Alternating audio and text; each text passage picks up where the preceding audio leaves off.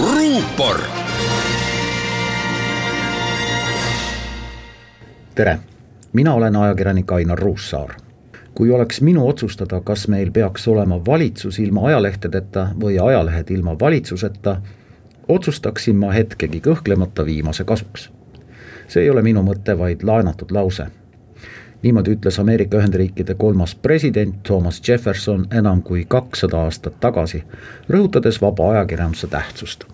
täna on rahvusvaheline pressivabaduse päev ja seetõttu ma seda tsitaati ka meenutasin. me peame ajakirjandusvabadust Eestis enesestmõistetavaks. mida see vabadus aga õigupoolest tähendab?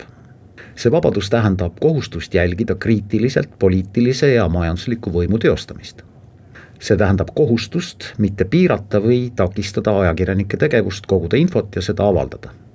ajakirjanikel on kohustus vastutada oma sõnade ja edastatud informatsiooni eest ja üha suurem kohustus mitte levitada valeinfot või tekitada kellelegi põhjendamatuid kannatusi. Ilmeksimatuid pole ja eksimusi tuleb ikka ette, seepärast tähendab pressivabadus ka kohustust vead parandada õhinapõhises ühismeedias sageli kulutulena leviv valeinfo ümber lükata. avalikustada need ajakirjanduse maski taha peitunud väljaanded, mis tegelevad infosõjaga. me teame, et ajakirjandusvabadus on ohus nendes riikides, kus on häda demokraatiaga.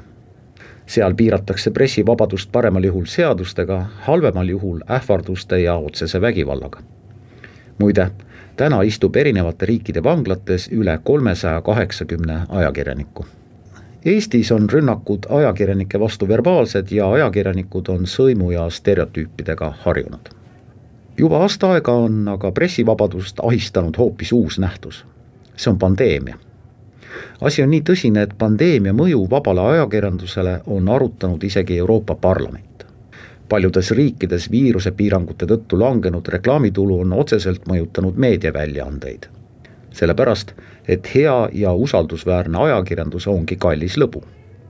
teine pandeemia mõju pressivabadusele on valeinformatsiooni plahvatuslik kasv.